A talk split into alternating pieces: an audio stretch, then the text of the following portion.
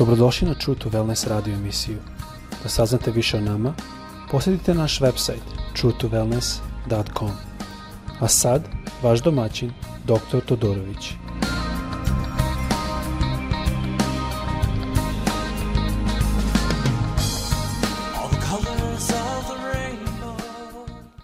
Ljubazni dobrodošli na naš program, pozdravljam vas iz Florida odakle, odakle radim ovaj program. Želim sada da nastavim, prošli put smo govorili, naime kad smo počeli govorili smo o Mateju 5. glava, treći stih da Isus nas uči kako da budemo više kao On i da kaže da budemo siromašni duhom i malo smo razgovarali što to znači. I onda isto pokazuje šta znači da budemo žalosni, to jest oni koji gledaju a, unazad šta smo radili, kako i razmatraju to, što to ima još puno elementa tu oko a, s, i tako dalje. Onda nam pokazuje Hrista da budemo krotki, znači to smo govorili prvo, gladni, željni pravde, a prošle epizode smo govorili o milostivosti i o čistom srcu.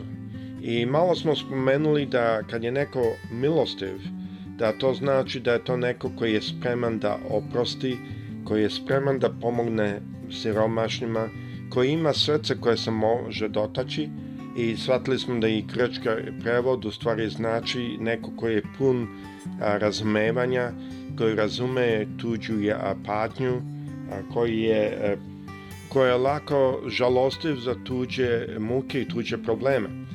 A kad smo govorili o osmom stihu da govori o čisto srce, shvatili smo da to ne znači čisto tako da živimo bez greha, nego da znači čisto kao providno, nedvolično, isto čisto, ali isto znači nevino i jednobojno.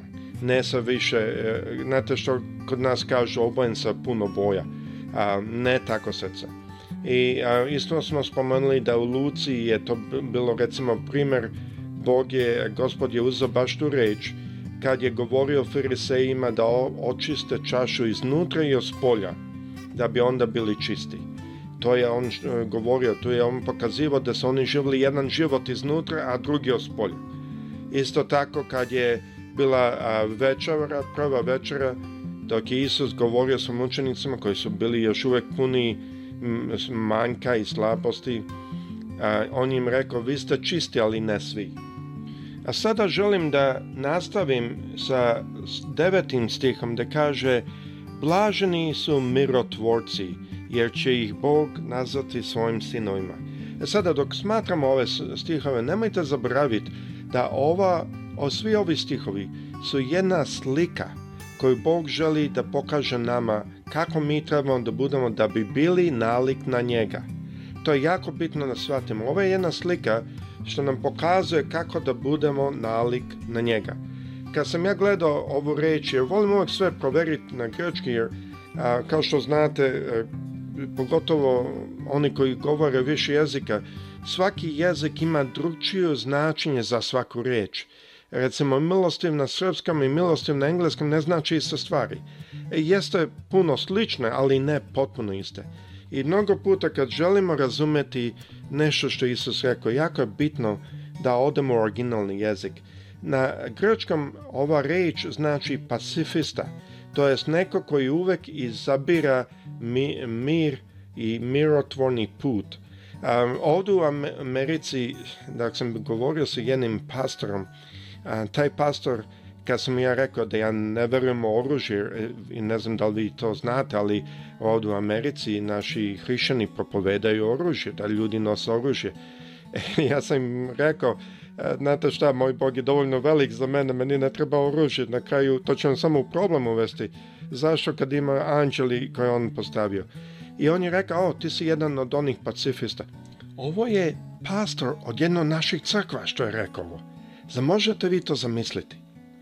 Znači, on to uopšte ne svaća, on nije mu potpuno otvoreno. A ovdje isto riječ znači neko koji ljubi ili voli mir.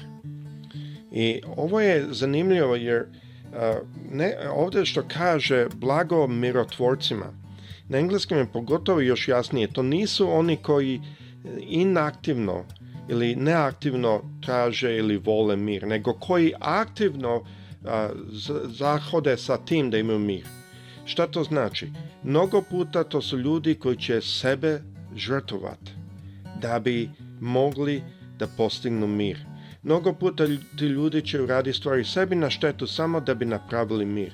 Ako imaju recimo svađu, mnogo puta će oni prečutati ili popustiti samo da bi bio mir. Tako da ovdje već vidimo tu a, samo žrtovanje koje možemo vidjeti u par ranijih stihova isto. Ovdje se vidi da je to jedan veliki deo od toga biti graditelj mira. A graditelj mira nije kao što ovdje Amerikanci veruju da to kad vidiš da neko neko napada ti uzmeš oružje pa ideš da ga braniš. To nije graditelj mira. ta filozofija i razlog je, je razlog zašto u, u mnogim muslimanskim zemljama imate toko ratova, zato što oni pokušavaju da grade mir na svoj način. A to nije ono što nam Isus govori. On nas uči da gradimo mir kroz samožrtvu, kroz e, toga što dižemo druge veće od nas. Znači, ovo je bitno da shvatimo ovdje. Znači, deseti stih sada, da idemo dalje, kaže Blaženi su progani zbog pravednosti koju Bog očekuje. I ovdje je zanimljivo to što e, na ovom stihu grčka reč koja se upotrebljava znači bežati ili kad vas neko goni. Malo drugčije. Ali to je ista grečka reč koja se koristi u 11. stihu, znači pročitamo i taj stih. A, kaže da opet da pročitam 10. Blaženi su progani zbog pravednosti koju Bog očekuje, jer je njihovo carstvo nebesko. I onda 11. ste kaže, blaženi ste kad vas budu vređali i progonili i kada vas zbog mene lažno optuže, pripisajući vam svako zlo. Radujte se i kličite, velika je nagrada vaša na nebesima. Tako su progonili i proroke prije vas. Ovdje opisuje bolje tu reč, ovdje Isus nam daje puno bolji opis Šta on smatra i šta je to proganjanje? Blaženi ste kad vas vređaju i proganjaju kad vas zbog mene lažno optužuju prepisajući vam svako zlo.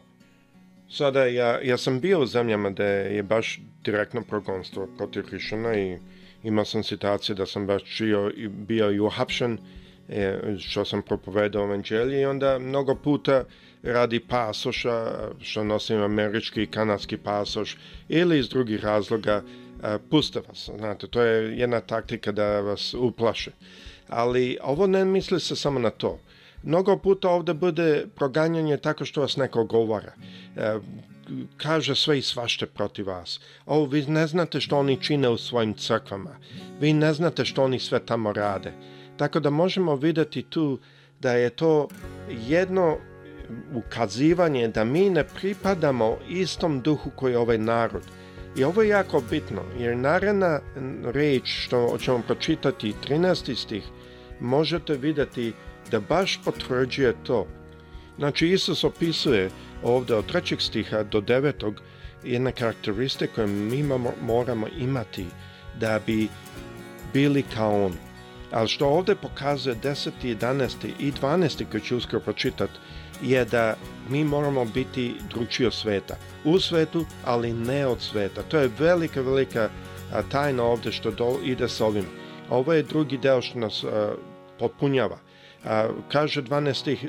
Radujte se i kličite, jer je nagrada vaša na nebesima. Znači, ovo je nešto što treba da je razlog jednom radovanju. Zašto? Zato što mi ne pripadamo ovom svetu. Ovo se vidi u 13. stihu gdje kaže vi ste so zemlje. Ako će so obljutaviti čime će se povratiti slanoć. Na engleskom to još lakše kaže ako so izgubi ukus kako ćete dobiti nazad ukus za so. Ja sam imao nameru da nastavim, ali mislim da ćemo morati nastaviti naravnu epizodu zato što želim, pogotovo kada govorimo o soli i kad govorimo o svetlosti sveta, tu kad govorimo o svetlu, tu ima prilično zanimljivih stvari što možemo paziti, jer ja uvek kad god čitam reč Božju, uvek dolazim sam tim pogledom da je Hrist Bog i da On je znao to doba mnoge stvari što ljudi ta nisu znali, recimo o svetlosti. Svetlost je elektromagne, elektromagnetska energija a to ljudi tada nisu znali, ali danas mi to znamo, tako da danas mi imamo puno više razumevanje šta radi sol, šta radi svetlost. E, kako stvari se odnose na, recimo, šta Isus mislio da nam kaže. Tako ima da još jedno dublje razmišljanje. Ali pošto ne mislim da će imati dovoljno e, vremena sada da nastavimo tome, to će nastaviti naredne nedelje, tako želim da vas ostavim s ovim. Mi možemo u ovom svetu da idemo kao svi drugi. Da nema puno razlike između nas. Da trčimo kao svi drugi što trče. I da, smo, da se razočaravamo kao svi drugi što se razočaravaju. Ali Bog nam je dao ove, ovde uput. U ovim stihovima i stihovi koji smo ranije čitali i ove sada, da nam pokazuje da umjesto da budemo oni koji se bore i laktaju i, i bore što više da dobiju i ne samo da se bore, nego i izvuču pune bolesti radi stresa. Naime, iz medicine mi znamo da 80% naših bolesti dolaze od stresa. Umesto tako da živimo, Bog želi da smo milostivi. Bog želi da živimo s jednim čistim, to jest proglednim srcem da nema licemrnosti u nama.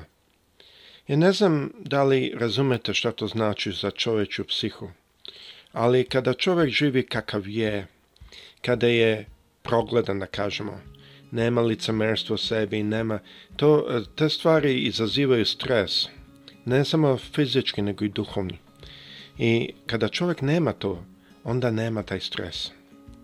I onda živi u jednom miru.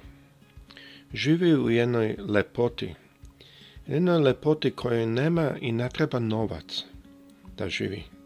E sad na nama svima treba novac da živimo u ovom svetu. To je jedna stvar.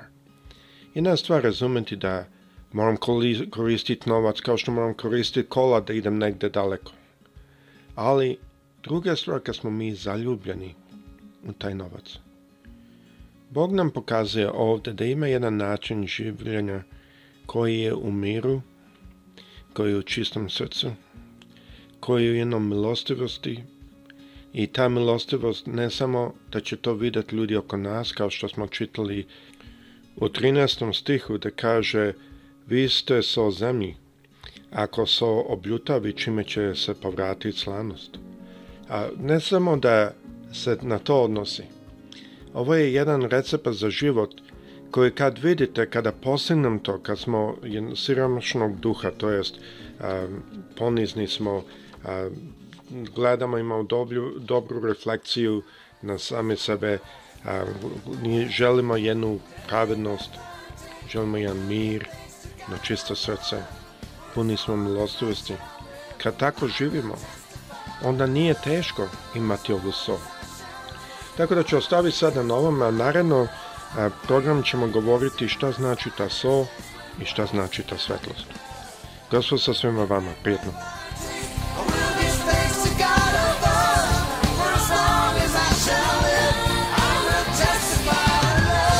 slušajte True to Wellness radio emisiju. Pridružite nam se ponovo svaki utorak, četvrtak i subotu.